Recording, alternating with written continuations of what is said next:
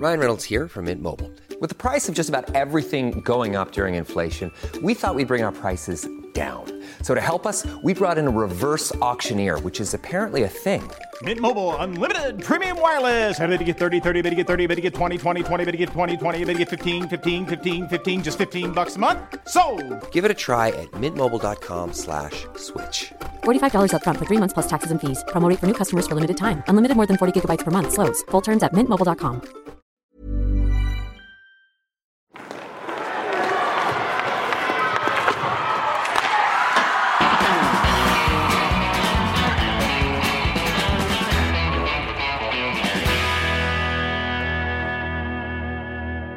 Hallå alla hockeyälskare ute i etern. Det är dags för Hockeystudion att podda om världens bästa och coolaste idrott, ishockey. Hur är läget Kolan idag? Eh, jo men det är jättebra. Haft en helt underbar vecka och har fått eh, både se mycket hockey och varit med grabbarna som har spelat en massa matcher. Så kanonvecka. Och eh, du eh, var bakis igår så du, du gick aldrig på någon hockeymatch live förstod jag.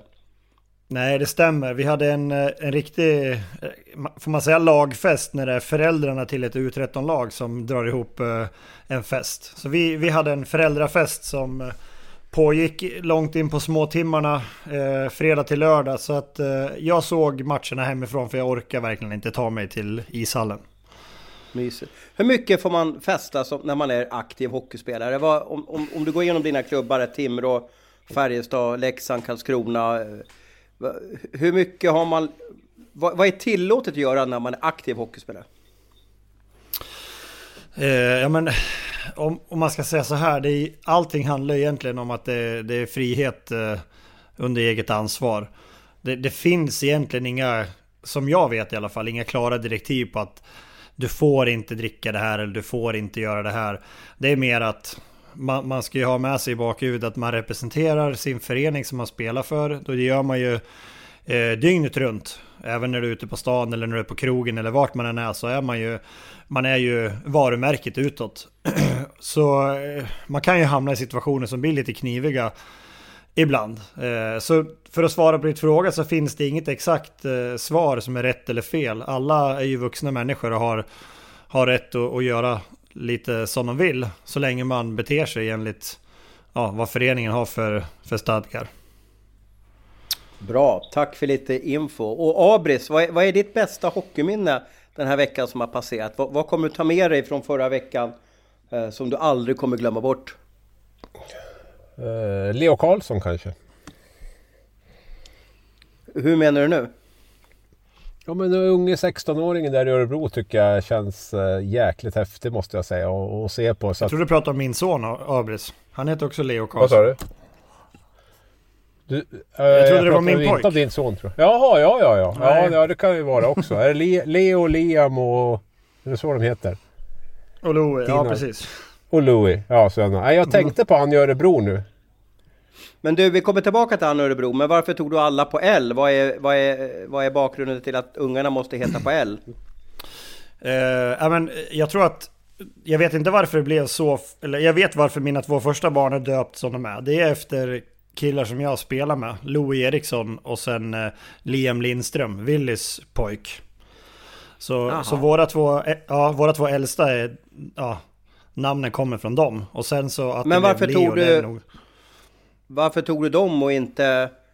eh, När spelade du med Louis Eriksson för övrigt? Ja men det här var ju under, vi är ju lika gamla. Så att det här och eh, Liam Lindström är också lika gammal som mig. Vi är ju 85-kullen. Eh, så det var ju alla de här landslagslägren som var då på yngre år. Ja, spännande. Eh, men du, tillbaka till den riktiga då, eller den som kanske just nu i alla fall är mest känd då. Eh, Leo Karlsson där. Eh, jag, jag såg ju inte honom, jag såg ju inte den matchen. Jag var ju på eh, Leksand-Växjö samtidigt som den matchen spelades. Vad, vad var han bra på? Vad, va, vad var det som gjorde att han fick så mycket rubriker?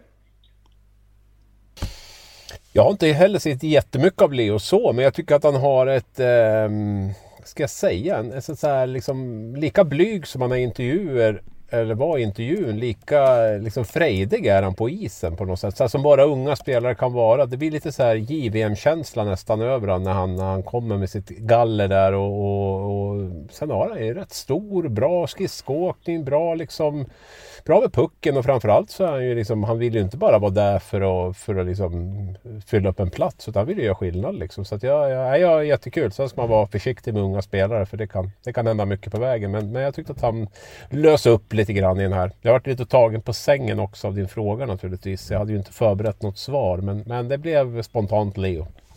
Ja, men du, han är född i Karlstad eh, och nu gör han succé i Örebro. Du som har bott i de där trakterna och, och, och och, och sådär. Hur, hur vanligt är det att man är från Karlstad och går till Örebro, Kolan? Ja du, jag, jag, tror inte att det är kanske... Det hade inte varit jättevanligt tidigare. Men eh, Örebro har väl en väldigt bra juniorverksamhet just nu. Eh, inte för att mm. säga att Färjestad inte har det, men, men jag vet att Örebro ligger i framkant på juniorleden just nu. Så att eh, eh det är väl inte så konstigt att de får till sig bra hockeyspelare. Och just att han kommer upp nu, jag tycker man ser överallt, det kommer upp gallerkillar. Jag tror att eh, alla våra hockeygymnasium runt om i Sverige gör ett jäkla jobb med killarna för de är otroligt bra de unga som kommer upp och spelar. Man är, jag är riktigt imponerad. Ja, det finns en sak som påminner en att man blir äldre. Det är när man kollar på personnumren på, på hockeyspelare. Eh, Leo är född eh, på annandagen eh, 2004. Han, eh, 2004, eh, då börjar man fundera på vad gjorde man då så att säga. Men... Eh, du, han är du jobbar på Aftonbladet då? Ja, det gjorde jag. Det gjorde jag. Det gjorde jag. Och eh, man blir påminn hela tiden att man, man blir, blir äldre. Eh, eh så hur bra kan han bli då? Eller är det, är det en dum fråga, Abris? Ja, det är väl det. Det beror väl lite på vad man känner honom ja. bättre. Ja. ja. men jag tror vi ja. känner honom bättre. Men det är intressant det där med att Örebro har gått in lite på Färjestads revir här. Elias Ekström som jag också gillar mycket är från Hällefors från början och den, han tog dem ju ganska tidigt. Eh, så att eh, Färjestad får lite konkurrens där och Örebro känns som att de gör mycket bra på, på juniorsidan där och de är inte rädda för att, för att spela de där killarna heller som, som kommer upp. Det är väl delvis ett underbetyg kanske för deras etablerade spelare då. Men, men de har ju, de har ju fått framträdande roller också. Leo Karlsson var inne tre mot tre till exempel där när de avgjorde mot Djurgården. Och, och avgjorde. Och sen hade vi ju debut för första 05 också i, i helgen va? Med, med Theo Lindstein där i Brynäs. Så att nu börjar vi känna ännu gamla, äldre Bruce. Mm, mm, mm. Eh, det var ju vår eminenta reporter Mattias Karlsson då, inte Hockeystudions poddexpert utan journalisten, eh, Aftonbladet-journalisten Mattias Karlsson som intervjuade Leo i, i lördags och då berättade han att han fick ju skriva autografer efter matchen här. Eh, och det var bara något år sedan som han själv tog autografer av, av Färjestadspelarna. Så att det är en häftig resa han, han, har gjort. Kommer du ihåg din första autograf du fick skriva, Kolan? Nej, det gör jag väl inte. Eller jo, det, jag tror det. Um, J18, det året som man skulle spela J18 VM så var det väl, då tror jag att man fick börja signa någon, eh, någon autograf sådär. Sen, så jag måste väl ha varit, är man då, 17? Då tror jag väl att eh, där någonstans var det väl första gången man fick skriva en, en riktig autograf till någon som verkligen ville ha den. Om man säger så. Ja. Vad, tränar du på autograf? Sitter man och gör det i bussen på bortamatch för att det ska se snyggt ut? Och skrev du Alltså hade du liksom tröjnumret med också, 20 och sådär? Eller, eller hur gjorde du när du, när du fick en snygg ja, autograf? Jag, jag hade en jättedålig autograf. Det, det, jag fick aldrig till det. Jag hade tryckt jag hade fel bokstäver i namnet för att kunna skriva någonting bra. Så jag tycker själv att jag hade en hemsk autograf. Ehm, men siffrorna var, var alltid med. Och det var ju också det, det ska man komma ihåg vilket, varje gång man byter lag byter man nummer. Så man, så man skriver rätt siffror. Mm. Men Leo Karlsson var en bra spaning, eh, Abris.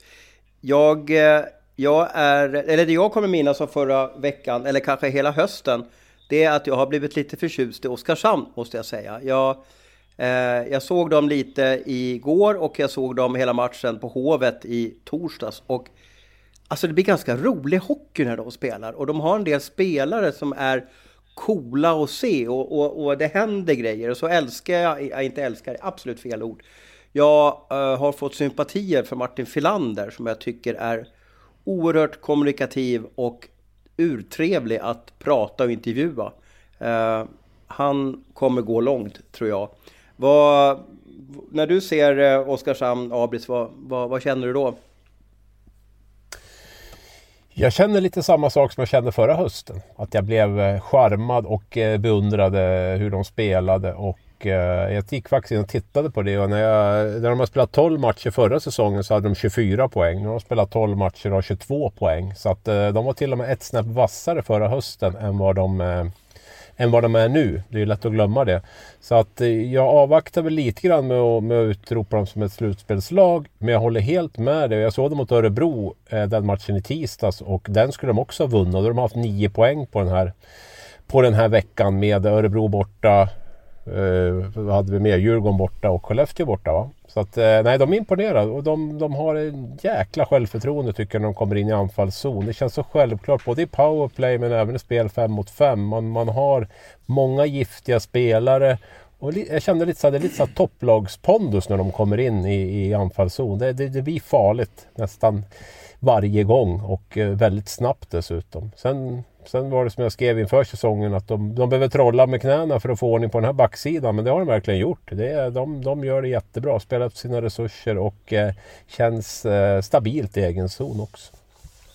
Och, och vad främmande det känns, i alla fall för mig, att nu gör Oskarshamn då sin, vad blir det, tredje säsong här. Eh, efter de har kommit tillbaka. Det var ju pandemin som, som stannade första året. För då var det meningen att Oskarshamn med Leksand egentligen skulle behöva kvala sig kvar. Och sen förra året så behövde de inte kvala sig utan det vart ju HV och Brynäs. Och nu så är de på en sjunde plats då eh, i, i serien och, och ja, den ser ju ganska harmonisk ut för dem just nu. Men jag skulle ju aldrig kunna tro att Oskarshamn skulle bli ett etablerat SHL-lag som de just nu faktiskt är. Eh, vad, hur ser du på Oskarshamns resa, Kolan? Nej, den är ju den är imponerande och jag tycker, ja, det är väl nästan så att man ska säga att de har gjort det mer imponerande än vad Leksand har gjort. Eh, för Leksand har ju större spelarbudget.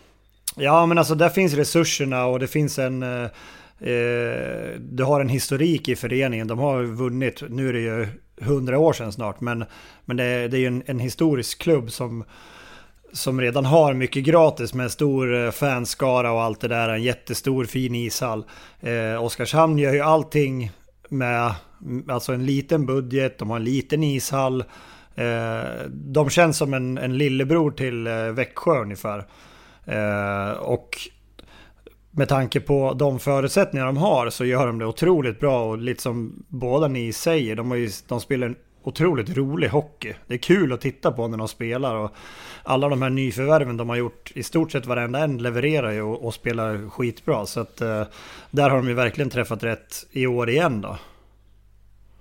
Mm, mm. Så har vi Frölunda som ångar på, eh, är serieetta just nu när vi poddar. De har spelat visserligen 14 matcher, eh, tabellen haltar ju. Hur länge kommer tabellen halta Abris, du som har koll på allt? Jag vill ju att alla lag ska spela lika många matcher. Jag vill, jag vill ha en perfekt SHL-serie. Jag vill inte att det ska vara haltande hela tiden. Det, det stör mig oerhört mycket. En vild gissning är väl att de spelar väl ikapp de här matcherna under CHL-uppehållen, om man kan kalla det, tisdagsmatcherna. Så det borde väl eh, börja och närma sig inom några, ett par veckor här så borde det väl vara hyfsat jämnt spelade matcher, skulle jag gissa på. Jag har inte kollat. Ja, men just, just nu så leder i alla fall Frölunda före Skellefteå och Leksand. Men det är oerhört jämnt. Vi har topp 6 i SHL då. Eh, en del lag har spelat 11 matcher, en del eh, som Frölunda har spelat 14 matcher. Men det skiljer bara 6 poäng då mellan lag 1 och lag, eh, lag 6. Eh, förvånar eh, Abris Frölundas framfart hittills? Förvånar det dig eller, eller tycker du att det laget ska leverera som de har gjort hittills? Ja, men nog hade vi höga förväntningar på Frölunda. Så att, att de skulle vara, de skulle vara etta eller fyra, det ska jag väl inte säga i den här, vid den här tidpunkten. Men jag vill tippa SM-guld till Frölunda till och med. Så att jag, jag har höga förväntningar på dem. Nu har de ju en, ja, en Ryan Lash som är han är fantastiskt bra alltså, i SHL, det måste man säga. Ja. Det är, eh, jag tror det är sex poäng den här veckan igen från han. Och det här powerplayet som han levererar, de ligger väl över 40 procent i powerplay. Och det är väl, han ligger väl bakom 25 procent av de 40 3 procenten som de har. Liksom, så, så att det är, de, har ju, de har ju gjort en bra analys av vad de saknade förra året eller året innan. Ja, förra året framförallt. Och fått in både Spacek och, och, och Lashta som tillför mycket, mycket spelskicklighet. Och sen är det ju jättekul att se Simon Edvinsson. Så att eh, ditt svar på frågan är väl att nej, jag är inte jätteöverraskad. Utan jag tycker man ska ha de kraven på, på Frölunda. Att de ska vara, vara topp tre med, med det laget de har, med den budgeten de har och den kontinuiteten och utvecklingen som de också har. De har ju lite sparkapital också. Jan Mursak levererar ju inte än. Johan Sundström har lite tufft. Jakob Nilsson skadad, eh, lär väl komma tillbaka vart det lider. Men vi stannar lite vid Ryan Lash, 21 poäng på 14 matcher. Du har ju mött honom många gånger, Kolan, och du har försökt att liksom försvara mot honom. Vad, va, vad är det som gör han så unik på isen? Eh, ja, framförallt så är det väl att han är ju skickligare än alla andra spelare i hela serien. Eh, han åker inte jättefort, men när han åker och har pucken på bladet så det är som att han ser in i framtiden. Han vet precis vad han ska göra med pucken när han har den och när folk kommer emot honom. Så vissa spelare är jätteduktiga på att skapa sig tid med pucken. Jocke Lindström är likadan och Dick var också jätteduktig att skapa sig tid. Eh, Robert Rosén gör det också. Ehm, de här spelarna är ju skitsvåra att spela mot för man tycker att man ligger nära, man har... Man försöker ju spela blad mot puck och det här. Men det spelar ingen roll att du gör det mot Ryan Lash för han, han eh, viker ju klubban på något sätt och så får han passningarna igenom i vilket fall. Och man ser ju på de här, eh, studion hade ju någon, någon liten eh, highlight där med Ryan Lash passningar. Eh, och, men han lägger dem under klubborna och, och spelar igenom mellan ben och allt möjligt. Det är ju, finns det ett hål då hittar ju han det. Han är ju helt, helt makalös. Mm. Mm. Eh, vad, när ni pratade om Ryan Lash när, när, du spelade i, ja kanske främst Karlskrona och, eh, och i Leksand. Eh, vilken taktik ska man ha emot honom? Man, man, jag vet inte hur många gånger jag har hört att oh, man ska ligga nära honom och så vidare. Men, men hur tänkte du när du mötte honom? Eh, ja men det är ju egentligen det enda man kan göra. Man kan ju försöka ligga nära och spela fysiskt på honom för att få honom att liksom bli trött och kanske kasta iväg pucken. Men det är svårt för han, han blir ju nästan aldrig tacklad ändå. Eh, sen just när de spelar powerplay, det man vill är försöka se till så att han inte har pucken. Som spelet ser ut just nu så ge pucken till vem som helst förutom han så är det ju större chans att det inte blir mål. Mm, mm.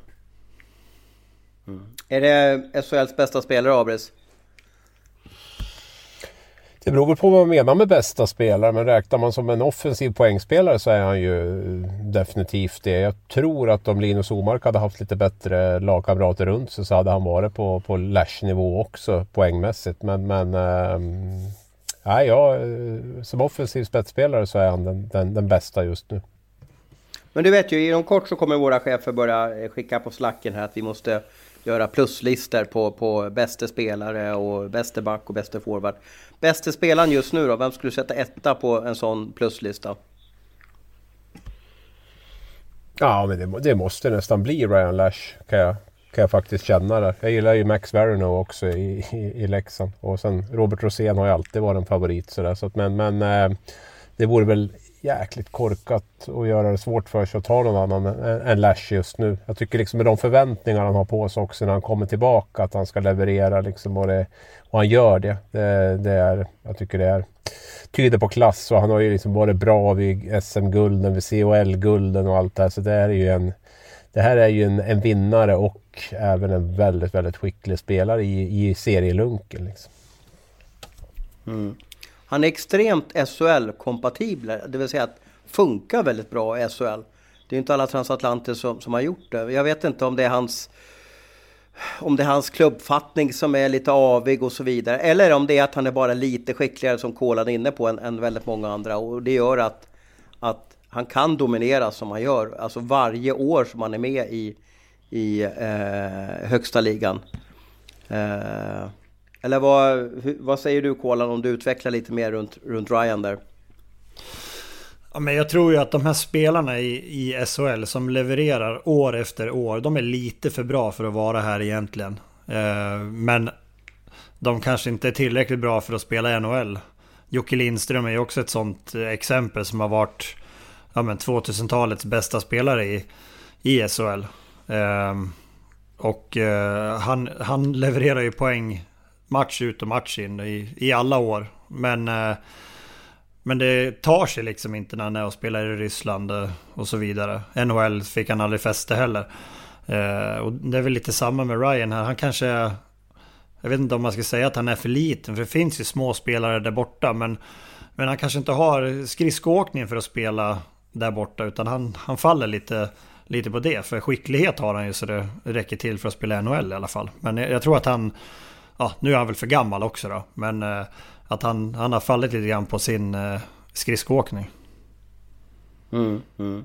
Ja, roligt för Frölunda och bra start på säsongen. Det var någon som skrev här, om jag minns rätt, att det här är Ryan Lashs poängbästa start, eh, poängbästa start på säsongen genom tiderna. För han brukar vara lite så här, alltså, som startar lite långsamt och sen ångar på. Då undrar man ju hur den här säsongen kan sluta, om man kan nå över 70 poäng eller var man kan sluta.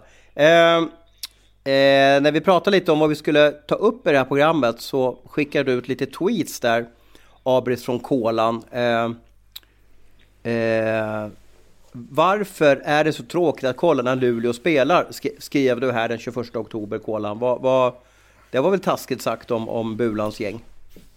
Ja, det var det. Vet du vad? De har, de har en del spelare som är roliga att titta på nu när Omark har kommit. Och sen tycker jag att Kinnemin är för jävla bra. Eh, riktigt Det händer ju alltid grejer runt honom i alla fall. Ja, men alltså han är ju sjukt skicklig han också. Jag är jätteimponerad av honom. Jag trodde inte han var så bra. Jag såg inte det i, i Växjö. Jag visste att han var bra, men jag tycker han har tagit sitt spel till en helt ny nivå. Eh, men jag tror att det här med mig och Luleå, det ligger kvar långt bak i tiden. Jag har alltid tyckt det var tråkigt att åka upp dit och spela. Ett tråkigt ställe att spela på. Eh, långt och det är kallt och det är snö, snö och det är mörkt. Eh, och sen så varje gång som man tittar på dem när de spelar så matchen slutar ju 1-0, 2-1, 3-2. Det blir aldrig mer än fem mål i matchen. Uh, så mm. nej, jag, jag, jag, tycker hela den här Luleå-grejen för mig, jag, jag, vill helst inte se när de spelar. Jag tittar gärna på en annan match istället. Mm. Det är ju faktiskt så att eh, om man ska kolla på händelser under en match så är ju Luleå kanske det laget som bidrar till minst händelser. Det vill säga att det blir inte så många utvisningar, det blir inte så många tacklingar, det blir inte så många spelavbrott. Det bara rullar på och egentligen utan att liksom bli riktigt händelserikt i matcherna. Så att jag, jag, jag kan ju hålla med om. Sen tycker jag att de har lite, lite, får lite oförskämd kritik det här med tråkiga Luleå eller, eller Buleå eller vad, vad, vad man kan leka med för rubrikord där. Då. Vad, Abris, du och jag är absolut eh, inte alltid överens om vad som är en bra hockeymatch och en tråkig hockeymatch. Men eh, hur ser du på Luleås spel och, och det här ryktet då, och, som de får att de är tråkiga? Nej, men det är ju, det är ju statistiskt bevisat, vetenskapligt bevisat att, att det händer eh, lite i deras matcher. Så är det ju. Och händelser är väl, står väl högt upp när man, när man bedömer en underhållande match. Sen kan ju jag tycka att det var ganska häftigt att se hur de stängde ner matcher för två, tre år sedan. Jag tycker inte riktigt att den där stabiliteten defensivt finns längre. Vilket kanske kan göra att folk tycker det är lite roligare. Men jag tycker både förra året och det här året så tycker jag det känns lite vingligare. Förlåt, defensivt då. Men, men, men eh, tidigare kunde jag faktiskt sitta och, och, njuta lite grann av hur liksom Luleå bara la en blöt trasa när de hade en ett eller en tvåmålsledning och, och motståndarna kom ingen vart. Det var lite som när Djurgården spelade 1-3-1 en gång i tiden på, på 90-talet där. Så jag, jag, kan se en, eh, en, en viss tjusning i det också. Sen blir det kanske inte jättekul att se 10-15 matcher i rad med dem. Det håller jag med om. Du har ju varit i högform den här veckan på sociala medier. Eh, du, du, du tryckte på Örebro också här Kolan. Örebro spelar klassisk ryggsäcks, ryggsäckshockey. Eh, vad, vad menar du med det? Ja, men, äh, jag, jag satt och tittade på den här matchen och eh, nu måste ju, folk måste ju förstå också att eh, jag jag håller ju på Leksand, det är ju mitt lag. Även om jag är med och, poddar mer i Aftonbladet så jag håller ju på Leksand. Jag bor i Leksand och jag har spelat i Leksand. Eh, så att jag har ju mest sympatier för Leksand och det tror jag att, jag tror att de flesta förstår det. Eh, men, men, men vad är ryggsäckshockey? Nej men ryggsäckshockey det är ju när man inte riktigt hänger med. Man, eh, man klänger på motståndarna och det var precis det som, eh, som Örebro gjorde i stort sett. Örebro hade en del chanser i första perioden men sen efter det så då spelade de ju bara på att försöka överleva. Och det var ganska det var ganska kul att se för det var länge sedan man såg ryggsäckshockey. Det fanns ju när Sargi Fokkin spelade i Färjestad för 30 år sedan. Eh, den har inte funnits så länge. Eller på väldigt länge. Så det var kul att se att den var tillbaka. Och att domarna mm. tyckte att det var okej. Okay. Eh, mm. Så det var väl inte mer med det. Det är lite roligt uttryck är det. Men då, då, mm. då handlar det egentligen att man inte hänger med som lag. Och, och då blir man som en, liksom en, någonting som klänger sig fast som en kräfta på ryggen på motståndarna. Ja, och jag tyckte faktiskt att, eh, att det var så i den här matchen att Örebro hade inte mycket att sätta emot. Den matchen var lite av slutspelskaraktär kan jag säga för övrigt. Ja, du såg väl den också? Där mellan eh, Leksand och Örebro där. Örebro hade väl 15 av 16 matcher eh, utan förlust mot, mot Leksand. Så det var som, man kände att det var lite speciellt just den där matchen. Och det, det, till slut så kunde ju Leksand vinna den. Ja, jag tror att de ja. vill få hål på det där spöket va? Precis. Örebro hade väl sina chanser tycker jag. Det stod 0-0. Där missade han straff bland annat. Man hade ett par powerplays man inte kunde utnyttja och lite sådär. Så att, ja, jag tror nog att första målet blev ganska avgörande i, i den matchen.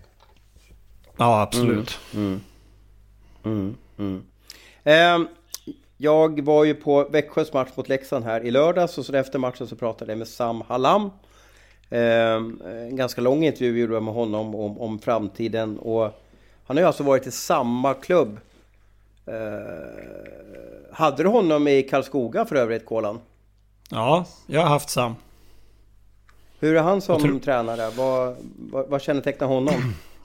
Men han, var ju, han var ju assisterande tränare då bakom eh, Niklas Czernecki. Så jag har inte haft han som, som huvudtränare. Men eh, eh, under alla år som jag har spelat så har jag ju har han ju stått i det andra båset och vi, vi stannar alltid och pratar innan och efter match och, och så vidare. Han är ju otroligt trevlig och mån om att mm, de han känner att de, de ska få bli uppmärksammade. Så en, eh, en jättehärlig person att vara runt tycker jag. Så jag förstår att han har varit kvar så pass länge i Växjö att han ändå är uppskattad och han har gjort ett otroligt jobb där nere.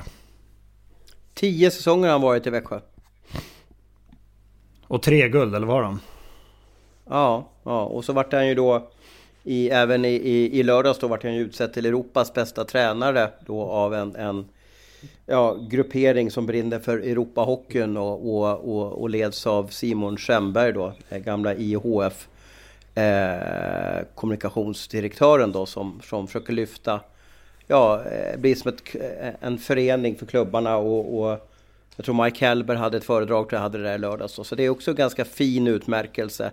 Jocke Lindström var ju nära att bli utsedd, eller få något pris då, men det var Jagr som fick det priset i, i stället då. Han, Jagger har ju spelat upp Kladno ännu en gång till högsta eh, serien där. Men jag tänkte att vi skulle prata lite om, om, om tränarna. Eh, om vi pratar om Sam då, Abris, vad, vad tror du han hamnar och vem tror du kan bli ny Växjötränare? Jag tror att han hamnar i Schweiz faktiskt. Ehm, det är nog dags nu efter tio år ändå att göra något annat. Jag har jättesvårt att se honom i ett annat SHL-bås. Jag tror inte han är supersugen på KHL. Ehm, och ehm, jag tror kanske inte att han riktigt får chansen i NHL. Om säger så. Då känns ju Schweiz som det naturliga alternativet trevligt land att bo i, bättre betalt än här och en ny utmaning. Så det, det är mitt tips. Eh, det var nummer ett. Eh, vem som tar över? Ja, det är väl... Eh, det spekuleras ju en del i Joakim Fagervall. Jag är inte helt säker på att det är Evertssons... Eh, att han går på honom om jag ska vara helt ärlig. Utan jag, jag funderar lite på Martin Filander där faktiskt. Nu vet jag inte hur eh, trogen han är om han går till en... Han har ett år kvar på kontraktet med Oskarshamn och så. Så att eh, jag kan tänka mig. Men det är väl en... Eh, en ganska eh, trolig ersättare till, till Sam Hallam om man går på, på den eh, profilen han har. Mm. Eh, Sam har ju som sagt var utgående kontrakt och det har även eh, eh Det har även eh, eh, Penneborn eh, och det har även Barry Smith i, i Djurgården och det har även eh, Thomas Berglund i Luleå. övriga tränare har ju kontrakt som ja, sträcker sig i alla fall eh, ett år till. Vad, vad, tror du, vad tror du Sams hockeyfilosofi skulle passa någonstans, Kolan? Uh, ja du. Uh, vi får väl säga att han... Uh, varför skulle det inte funka i Schweiz? Jag, jag tror ändå det. det ja. De gillar ju att spela kontringshockey där och ställa om snabbt. Och det, det skulle väl han klara av att lösa där. Jag hade också gärna sett att, i Schweiz. Det ryktades ju om att Bern var på honom eh, för, ja, i våras då. Eh, storklubben Bern då som hade det tufft förra säsongen och även har tufft den här säsongen. Eh, de har ju en svensk tränare i, eh, eh, för detta eh, assisterande tränaren i, i Frölunda. Johan Lundskog och assisterande tränare i Davos är ju i Bern är ju Micke Håkansson och Christer Olsson då. Men det jag har förstått så är, trots att det går lite dåligt för laget, så är Lundskog väldigt uppskattad. Men eh, det man har lärt sig av, av, av hockeylagen i Schweiz, i alla fall storklubben, att när det går dåligt, ja men då byter man tränare. Man gör det, man gör det blixtsnabbt. Så att eh, Bern, det, det, kan jag säga att om, om Sam får det jobbet, då kommer han till en fantastisk hockeystad. Jag var där på ett hockey-VM för massa år sedan och det var bland de trevligaste eh, upplevelsen jag hade där vid den där speciella floden där och det var lite speciellt. Det var nästan lite grönt vatten i den där floden och en vacker stadskärna och så vidare. Så att Bern vore väl en drömklubb för, för, för eh, Sam. Eh, Rätt häftig arena kan också. Komma till stopp. Ja, precis. De har ju ståplats på långsida. Jag vet inte om de tar 16 eller 17 000 i den där arenan då. Det är väldigt speciellt att de har prioriterat ståplatspubliken så, så extremt mycket. Ofta ståplatspublik brukar man ju sätta på kortsidorna i en arena. Men Bern har, har gjort det till en grej att eh, i stort sett hela långsidan är, är, är en enda stor eh, ståplats och det blir ju ett mäktigt eh, eh, tryck. Vad har du för drömklubb som du, om du, om du fick göra om din karriär och spela liksom för... Ja, fanns det någon klubb som du kände att ja, men det här är min dröm att spela för den klubben? Uh, ja, alltså då hade jag velat spela i Schweiz och kanske främst då Davos. Det hade nog varit drömmen för mig. Okej. Okay. Tycker Davos ligger lite off där, att det liksom ligger för sig själv där i hörnet. Då. Men, men det kanske är trevligt. Och det, det är väl fantastisk skidåkning också, så det ska man väl väga upp också. Vi får lyssna med Dick nästa, eh, nästa helg. Han, han är med här, för han har ju ändå varit i eh, Davos. Men om vi fortsätter ja. lite med vår trän tränargenomgång här. Eh, och vi kanske stannar vid Djurgården där. Barry Smiths kontrakt går ju ut. Vad, vad, för det första Abel, tror han blir kvar hela säsongen Barry? Jag, jag, jag, jag fick något mail här från en, ja, en källa kan vi kalla det för då, som berättade att Barry har ju faktiskt brutit varenda avtal han haft i Europa Uh, han har ju varit i Lugano, i Malmö och så har han varit i Sankt Petersburg. Alla kontrakt har han brutit i förtid. Uh, tror han hänger kvar hela säsongen i Djurgården? Den gode Smith. Nej, jag är inte så säker på det faktiskt. Jag uh, är inte säker på att han är rätt man att, att um, rädda det här Djurgården från kval. Så jag, jag tror att det kan bli en, en, en tidigare skilsmässa faktiskt. Mm. Han är ju han är ju spelarnas, liksom, spelarna gillar honom, Kolan. Hur, hur, hur, läng, hur pass mycket längre livstid har en omtyckt tränare innan han får sparken? Det vill säga att um, om det är en tränare som är tuff mot spelarna, ställer krav, alltså skäller ut, står med piskan hela tiden. Då kan det ju gärna vara så att spelarna vänder sig mot honom då. Um, hänger du med jag menar Kolan? Hur, hur mycket vinner man på att vara good guy i båset? Eh, jag tror egentligen inte att, att det handlar om just det där att du jag menar, att du är hård och ställer krav. Det tror jag att spelarna kan acceptera och, och liksom, man behöver inte tycka, att, tycka illa om tränaren för det. Det finns säkert andra saker en tränare kan göra för att bli illa omtyckt. Och det är ju liksom kanske många saker som händer vid sidan av isen om man inte man, man kanske inte respekterar folk ordentligt eh, ja, och så vidare. Men, eh, eh men jag tror helt klart att om du om spelarna gillar dig så har du ju chansen att, att få ha, behålla ditt jobb bra mycket längre. För oftast är det ju spelarna ja. som, som skriker bakut först. Mm. Hur var det här tränarbytet i Leksand när eh, Leif Karlsson fick lämna? Hur, hur, hur fungerade det med tränaren med, mellan spelarna och Leffe där? Uh, ja, hur var det då? Uh, vi började ju vi drog igång en sån riktig förluststreak där ju.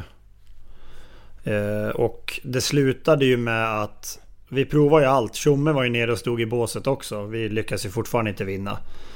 Eh, och sen så tror jag att enda utvägen som fanns kvar var att han fick gå. Eh, det är så jag har för mig att, att det gick till. Sen vet jag inte hur mycket... Jag var ändå assisterande kapten men jag har dålig koll på hur, hur mycket vi var involverade i att han skulle försvinna. Jag, jag kommer inte riktigt ihåg det. Men, eh, men helt klart är ju att hade vi bara spelat lite bättre så tror jag ändå att han hade suttit ett tag till. Men vi spelar ju så otroligt dåligt och vi lyckas ju inte vinna. Så de, ja, jag tror inte de såg någon annan utväg än att han, han var tvungen att gå. Life is made up of many gorgeous moments. Cherish them all, big and small, with Blue Nile. Whether it's for yourself or a loved one, Blue Nile's unrivaled selection of expertly crafted fine jewelry and statement pieces help make all your moments sparkle. Blue Nile's experts are on hand to guide you, and their diamond guarantee ensures you get the highest quality at the best price. Celebrate a life well lived in the most radiant way and save up to 30% at BlueNile.com. That's BlueNile.com. Är det Brukar en klubbledning fråga spelarna innan de gör ett byte på, ja, i, i, i båset? Eller tar man ett sådant beslut i styrelserummet? Eller brukar man känna av bland ja, på något sätt spelarrådet eh, ja, hur deras känsla är? Ja men det, jag har varit med om det vid ett flertal tillfällen att man eh, att de kollar läget hos oss, vad, vad vi tycker och Ja och om man har Om man har fortsatt förtroende för För en tränare och så vidare. Eh, oftast så brukar det ju tyvärr vara så i lag som går dåligt. Och man, man ser ju så många problem. Eh, och jag menar alla problem är ju såklart inte tränarens. Men det går ju inte att byta ut en, en spelartrupp. Så då blir det ju allt som ofta en, en tränare som offras istället. Det måste ju vara lite skönt att kunna skylla på tränaren liksom. Är det inte så att man liksom, ja ah, men det, det är han som är för dålig och sådär. Så kan man liksom, det är därför vi torskar liksom sådär. Så att det, det är hans fel. Det, det måste vara lite skönt att slänga tränaren under bussen. Nej, det är det absolut inte. Eh, även om det ser ut så utåt så, jag menar vi spelare, vi vet ju att det är vi som har misslyckats. Det är vi som spelar på isen. Eh, så att jag tror ganska, jag har i alla fall känt det varje gång som vi har sparkat en tränare att man, man, har, man har ont i magen inombords för att det är ju trots allt en människa där bakom som, som har missat sitt jobb för att vi inte kan kan leverera på isen. Så det, jag har alltid tyckt att det har varit piss när du, när du har hamnat i den situationen. Sen från det att, att personen i fråga försvinner så brukar det... Ja, ganska ofta så brukar det bli bättre för det blir lite nytändning och så vidare. Men, men äh, jag tycker det lämnar alltid en, en lite bitter eftersmak att man har varit med och, och sett till sig någon, någon ledare får sparken. Mm. Eh, det har gått ännu en vecka nu Abris då, men, men vilken tränare är det tror du som, som får lämna först om du skulle sia? För det brukar ju komma under kanske november eller december att den första SHL-tränaren får blir utbytt. Vilken, vilken tror du eh, ligger sämst till? Jag svarade väl Barry Smith senast så jag håller väl fast vid, vid den eh, spaningen. Nu blev det seger mot Timrå visserligen men, men två förluster också. Så att eh, resultaten är, är viktiga. Det går inte att komma ifrån. Sen, eh, sen är väl Timrå eh, klar tvåa på den listan i så fall. Du ser där om de tar in någon mer eller hur de tänker. Där. För det känns som att de... Ja, dels är spelarmaterialet för tunt men sen har man väl också lite svårt att få ut maximalt av, av det man har. Kent Norberg inför säsongen var ju ganska segervis och positiv. Han sa att vi, det här laget är så bra, vi kommer klara oss kvar i SHL. Men vad gör de för fel? Eh, vad är det som gör att de inte lyckas etablera sig som det ser ut just nu i högsta serien? De var ju uppe även för, eh, för något år sedan här eh, och blev utslaget av Oskarshamn i ett kval då hur tänker de fel, eh, Kolan? Eh, nu har jag, jag har sett de två matcher. Jag såg när de spelade mot Färjestad och sen så såg jag när de spelade mot Leksand. Eh, och Leksandsmatchen, eh, det är kanske inte så mycket att säga där. De var ju otroligt dåliga. Fruktansvärt dåliga. Eh, men, men mot Färjestad så tyckte jag ändå det fanns lite hopp. Eh, de fick ledningen, men sen så... Lite typiskt för den positionen de är så väljer man ju att kladda med pucken precis utanför egen blå, man blir av med pucken. Eh, och så kommer en 2-1 och pang så blir det mål. Eh, de, gör ju, de gör ju sådana här eh, misstag som man absolut inte har råd med som nykomling. Eh, det går verkligen inte för man genererar inte tillräckligt mycket mål framåt för att man ska kunna tillåta och bjuda på de här eh, målen som, som kommer bakåt. Det är väl kanske nummer ett. Eh, Sen, jag tyckte inför säsongen att de hade ett, ett ganska stabilt lag ändå. Det såg bra ut på backsidan och så vidare. Men nu, eh, ja, jag vet inte. Det känns som att det, att det fattas lite folk här och var tycker jag. För att de ska vara SHL-mässiga. Mm. Det finns ju en back där ute som du har, eh, du har väl hört talas om honom också flera gånger nu sista tiden här, eh, Abris. Jag tänker på Lepistö som har varit i Jokkeret då. En 37-åring då som, som har eh, vunnit VM-guld i ishockey och, och har en imponerande eh, karriär bakom sig. Varit både i Nordamerika och i, i ja, KL och nu senast i, i Jokkeret då. Gjorde eh, hyfsat poängsnitt. Är han en räddning för, eller en lösning för Timrå? Eller, eller vore det bara att, att ge sig på eller, eller få mer problem? Nej, men det är ju en erfaren back och det är klart att de behöver ju, behöver ju ha in det. Men det, det jag kan känna framförallt med Timrå är väl att alltså, de har ändå som Ratty och Hansel, de har ändå liksom snittar en poäng per match. Så det är ju, alltså, offensivt har de ändå en del, men det är, det är, jag tycker målvaktssidan är för dålig och jag tycker att dels, ja den defensiva backsidan är lite för svag. Dels är ju Didrik Strömberg varit borta länge. Alltså han är ju skadad och inte spelat alls. Så han tycker jag är en av de bättre i SHL i sin roll. Och sen tycker jag ju även att man, man har stora förväntningar på Tim Eriksson vet jag där uppe. Och det har liksom, tycker jag inte heller har liksom slagit ut. Så då, då blir man ju ganska sårbar där på på den, eh, varken LaLeggia eller Sajak är ju något defensiva fantomer och ska ju inte vara det heller. Men, men med Strömberg borta och Eriksson borta så blir det tunt. Och det är klart att Lepistö skulle kunna komma in och eh, komma in och vara en eh, med sin erfarenhet och rutin. Även om han kanske inte... Ja, han är inte på, han är ju inte på topp i sin karriär. 36 tror jag eller någonting. Så, att, så skulle han väl göra nytta där. Nu tror jag kanske inte att Timrå står högst i kurs om de nu inte erbjuder mest med pengar och han är mest intresserad av, av det. Utan det kanske är...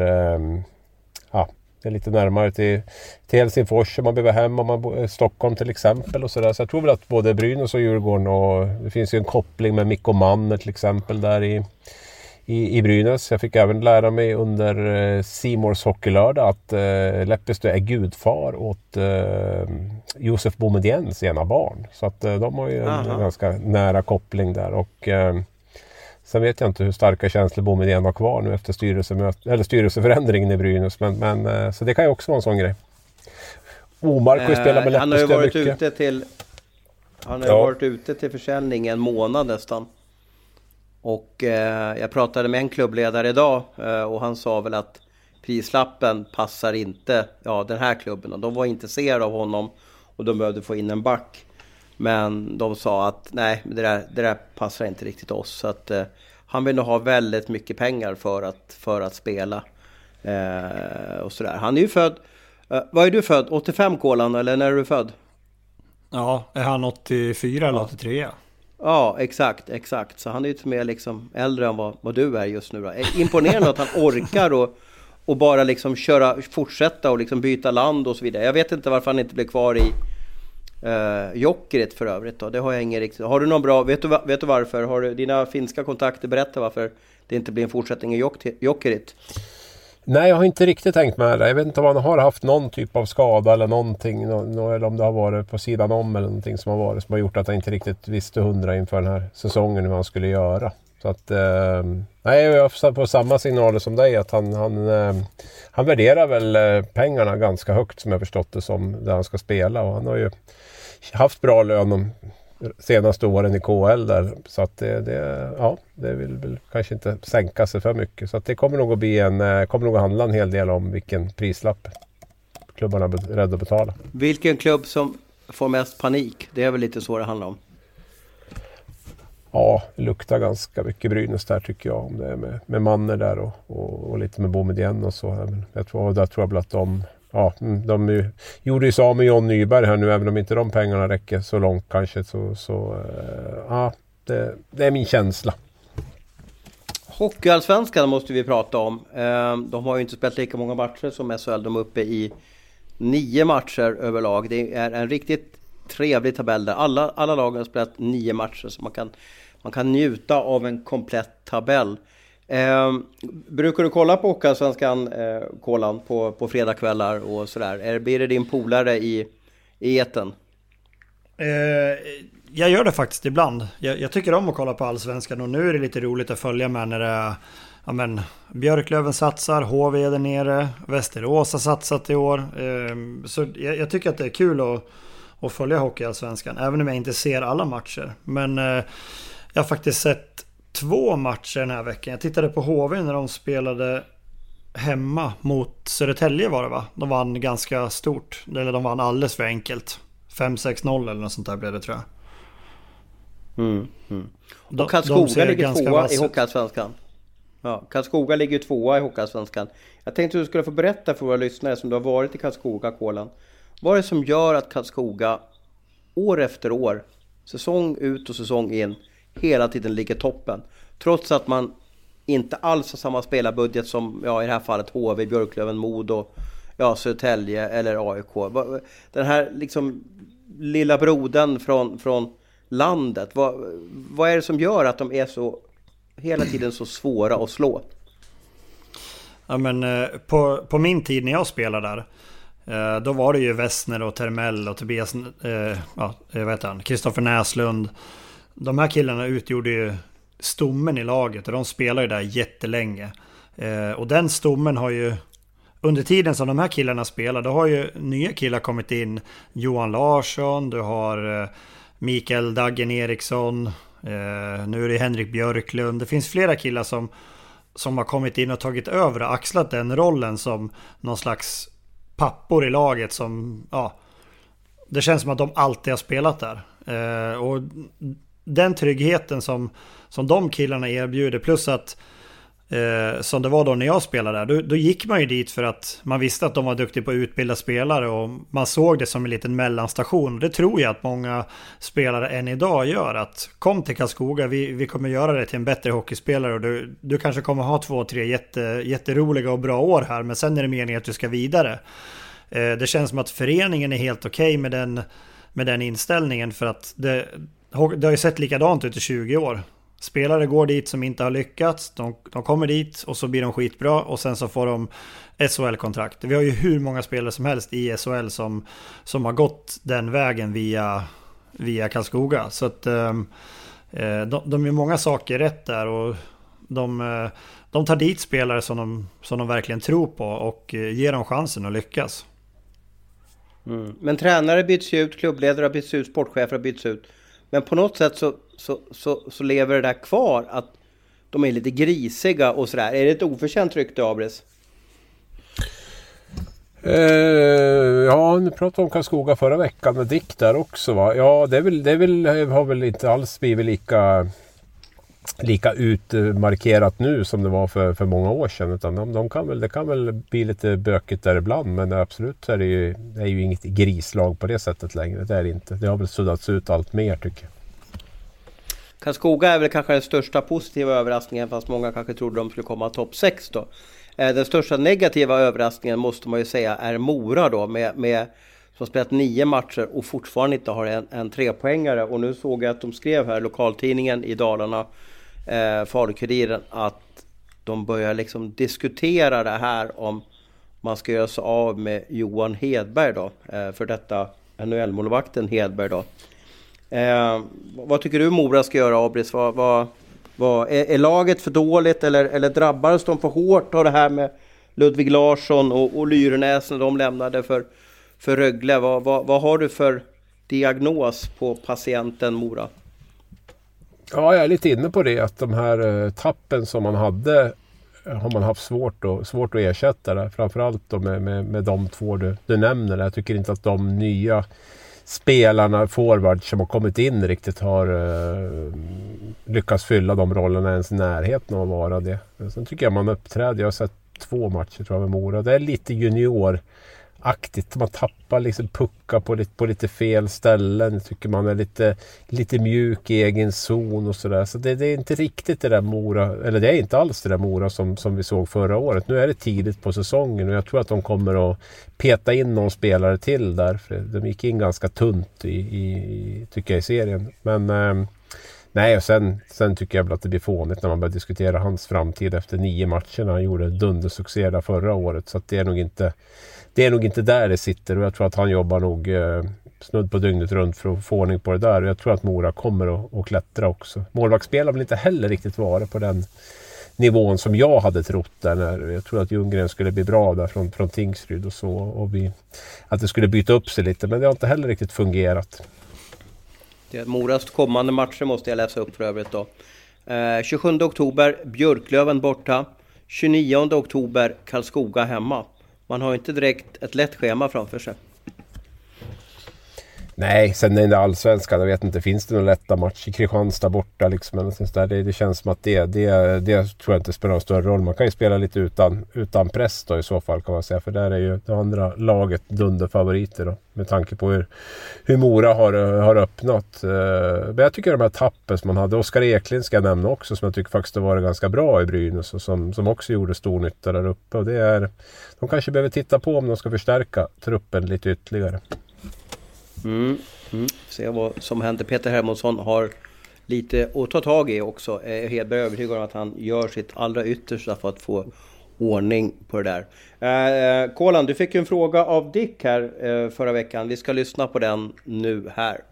Ja, bara för att du sa sådär att vi hade så olika frågor och hans var mer genomtänkt så att jag skickar bara tillbaks den frågan. Vem är den bästa som Kolan spelat med och eh, mot? Exakt, och kör in bästa domaren också. Bästa domaren, ja precis. Ja. Inte sämsta domaren då, inte den roligare? Nej, vi är i hyllningskören nu, så att okay, bästa okay. domaren. Du ser, han har blivit snäll mot dig nu. Uh, varför tror du den här attitydsförändringen från Dicken, uh, Kolan?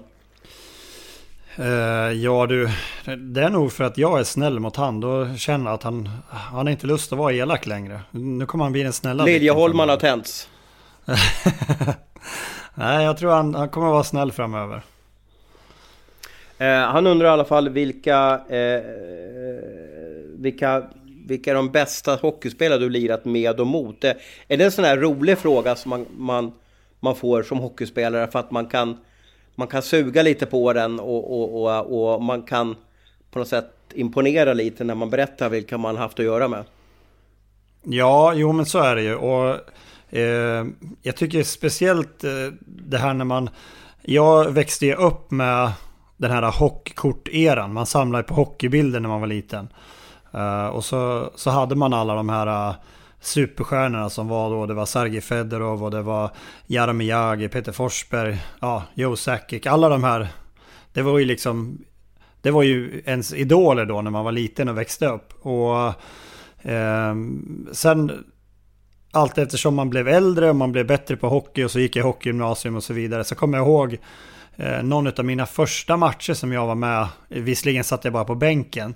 Så mötte vi Mod och då var ju Peter Forsberg med. Och det var ju, det var ju första gången som jag, som, som jag kände sådär bara, jag är på samma is som, ja men du vet, min, min största idol som, hade, jag hade affischer men på väggarna. Men när var det här? Och... När var det här? Ja, kan, det måste ha varit mitt... Jag, jag kan ha varit 17 då, så 2002 kan det stämma. Där någonstans. 17 eller 18. Ja, strunt samma. 02 eller 03 Va, borde det vara då. Spelade du i Färjestad då eller var, var, var var du någonstans eller? Nej, det var ju när jag var i, som junior i Brynäs. Jag gick i hockeygymnasium men sen var jag med Aha. några matcher. Ja. Eh, så då, då var ju han med. Men eh, men om man säger den bästa spelaren som jag, det som, som jag känner som varit min första landslagsturnering som jag åkte med, eh, det var ju i Ryssland. när jag spelade i Timrå. Eh, då spelade 2010 ju... kanske? Ja, då spelade ju Jaromir Jagr i KHL. Så då mötte jag ju han i, där i, ja, han spelade i Tjeckien då. Och sen så var ju Sergej Fedorov var ju med i det ryska laget. Så mm. jag kommer ihåg det, jag kom hem från den turneringen och då, det, då var det verkligen två sådana här spelare som jag verkligen ja, men, har sett upp till och, och haft som, som verkliga idoler. De, de har jag spelat mot på isen. Det var ju för mig, det, det kändes ju helt sjukt att, att man har fått göra det. Ja, ja. Så, så äh, de jag, eh, står högst hos mig. Jag, jag tänkte så här, när man möter någon som man har liksom sett upp till eller liksom som du säger haft liksom på, på, i pojkrummet då. Alltså vågar du, vågar du tackla Jagger? Alltså, gör man det under match eller blir man så här, tänk om jag skulle skada honom? Eller, eller, eller håller man igen lite mot idoler? Nej, det gör man absolut inte. Eh, snarare så att man försöker ta pucken ifrån dem. Jagger var helt omöjligt att ta pucken ifrån. Han är stor som ett jävla skithus karln. Så ja. han, är, han var rätt vem bra på att täcka Vem har störst hockeyrumpa av, av dig och Jagger? Nej, jag vet inte. Jag hoppas att det är han. ja, ja. ja, men det är ju bra. Är det, är det Fedorov och Jagger de, de bästa som du har mött då på isen? Eller största ja, kan man kalla det för. Ja, jag får nog säga det. Det, det får, det och får sen undrar du Dick också, den bästa eller största som du har spelat med då, så att säga. Du får, du, du får ju skilja lite på det. Ja, ja men då tycker nog jag, eftersom att jag har ju haft flyt och spelat i både Färjestad och HV, så jag har ju spelat med jag har ju spelat med de, de två största vi har inom svensk hockey. Eh, Johan Davidsson och eh, Jörgen Jönsson. Så det, det, får ju, det får ju bli de två. Det är ju på något sätt ja, det största vi har haft ut, utanför NHL. Så jag säger de två. Mm, mm. Och du Abris, du, har ju också en, du måste också göra samma sak jag tänkte. Du tar det lite på uppstudsen. Men vilka är det största du har mött på isen? Och, alltså när du var hockeyspelare tänkte jag. Och vem är den bästa du spelat med? Jag satt faktiskt och tänkte på den frågan nu när Kolan hade sin utläggning. Så ibland så kan jag läsa av det. Eh, den bästa att spela mot eh, måste vara bröderna Sedin. Eh, när vi mötte dem i Europacupen med Vålerengen och de var i Modo. Eh, sen var ju Raimo Helminen måste jag lyfta fram också. Han var sjukt bra tyckte jag. Han spelade med sån här, han hade väl helt trasig rygg typ. Men det kändes som att han gjorde precis vad han ville på, på isen han var i Malmö.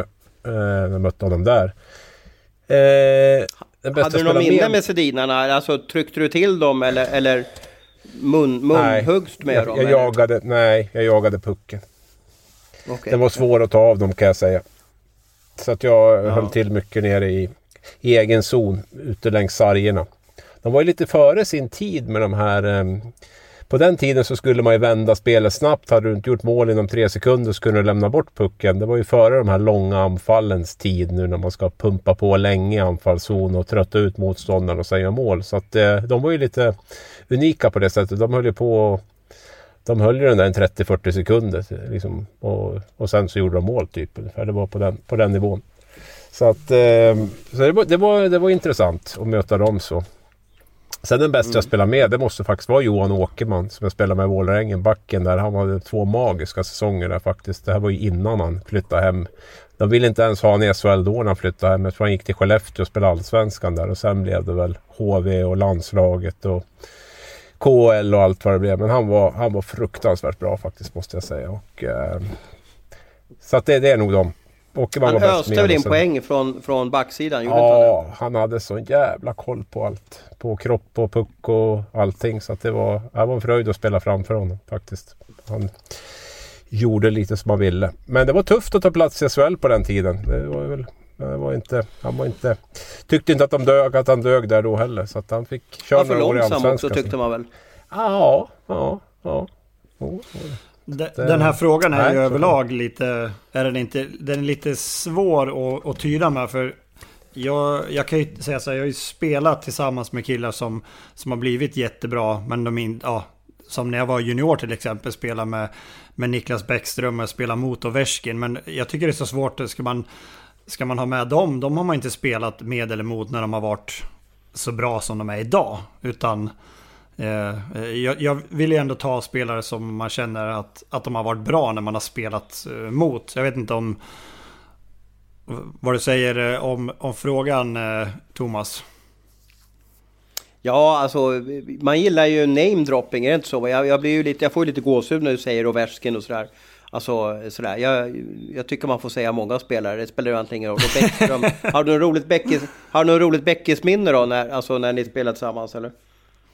Nej men jag kommer ihåg, eh, för när jag flyttade upp till Gävle så han var ju, han är ju två år yngre än mig. Eh, och eh, jag vet att på sommaren där så körde vi in och brottning. Jag var 16 och han var 14 då. Så han var med oss och körde. Så jag fick ju fråga de andra killarna. Vem är den där lilla runda killen som är med och, och, och brottas med oss? Och de bara, men det, det för eh, Niklas har ju en storebror som heter Kristoffer och han är född 85, lika gammal som mig.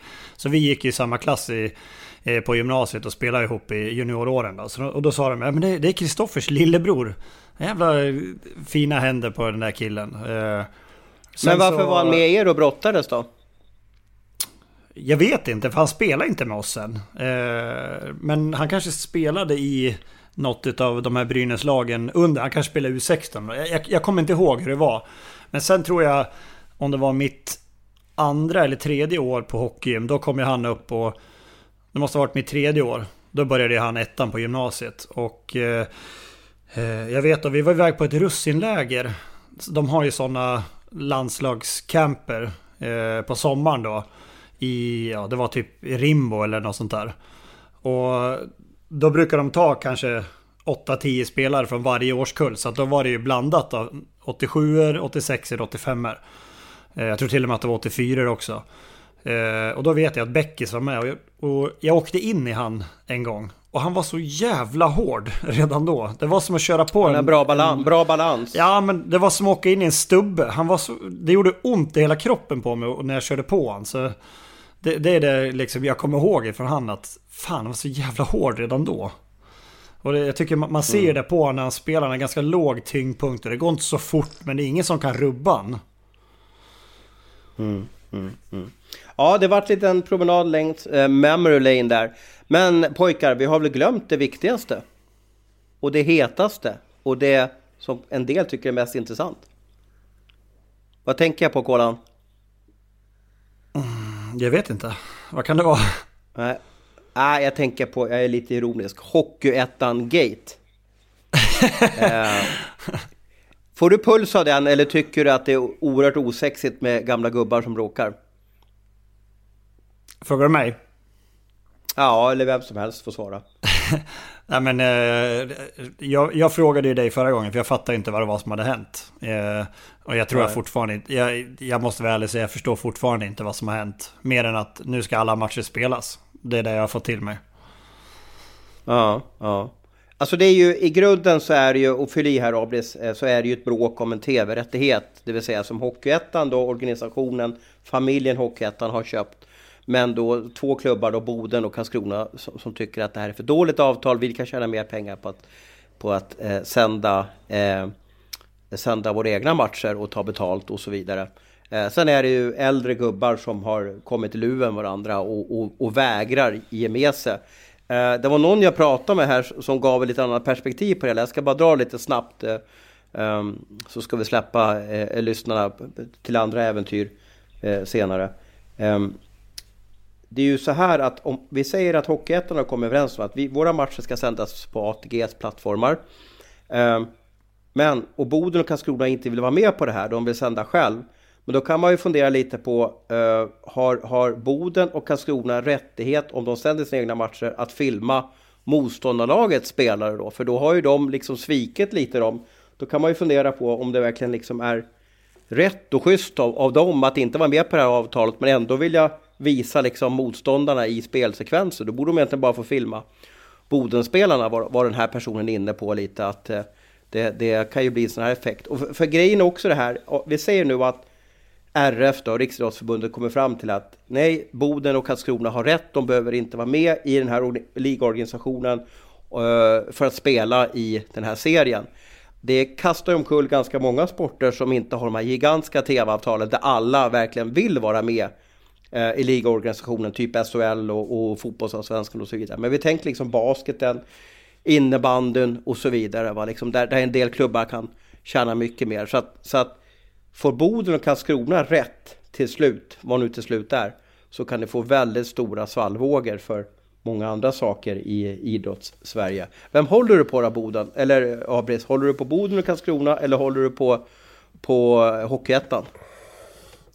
Nej men de har väl fått rätt Boden och Karlskrona. Det har väl som Riksidrottsnämnden bestämt. Jag tycker och... inte sista ordet är sagt ännu riktigt. Jag tycker att det är lite, lite vagt allting och jag, jag får en känsla av att SIF kanske vill inte att RFs ord ska vara det slutgiltiga utan de, de vill försöka få RF att förstå att måste man, är man inte med i en alltså omkullkastar man tävlingsnämnden eh, och deras regler som, som man gör lite nu då Eh, så faller ju hela grejen med att ha en ligaorganisation. Ja, nej, men det är ju ingen hemlighet att Svenska Hockeyförbundet har haft ett möte med RF och, och, och, vill, vill att de ska ändra sig. Men RF slog ju fast ytterligare en gång att det inte är aktuellt. Utan de har, de har sagt vad de tycker. Och det här handlar väl också om eh, EU, vilka EU-lagar och sånt som, som, som gäller. Liksom. För att oavsett vad man bestämmer här så vill man dra det långt till till konkurrenssituationer och grejer i en EU-domstol så kommer man kanske få fel ändå. Va? Och det är väl det RF ser så att det, liksom, det är ingen idé att, att ta den striden. Så att eh, det är väl eh, det, det, är väl eh, väldigt mycket som talar för att eh, Boden, och, eh, Boden och Karlskrona kommer att ha rätt i det här. Och det är ju otroligt svårt också när det är så många klubbar med så många olika så, ekonomier. Så för någon kan ju 10 000 per match det vara mycket pengar och för andra klubbar kan 10 000 per match, som jag hörde att man får, är ju ingenting liksom. Det är ju en 200 åskådare typ. Ja, så att det är... Eh, Nej, men jag tycker väl att det är otroligt pinsamt att det har gått så här långt och att det håller på att liksom förhandlas och, och, och bråkas om det här nu. När, liksom, när, när hockeyn ska vara som hetast och roligast och, och på alla sätt. Det blir många som blir lidande, allt från spelare till till eh, klubbar och allt vad det är för någonting. Så det är, det är pinsamt och det är ju ett jättenederlag för, för svensk hockey tycker jag. Mm tycker vi avrundar med de orden. Eh, tack Mattias och Hans och tack till alla lyssnare. Ha nu en underbar hockeyvecka. Du har lyssnat på en podcast från Aftonbladet. Ansvarig utgivare är Lena K Samuelsson.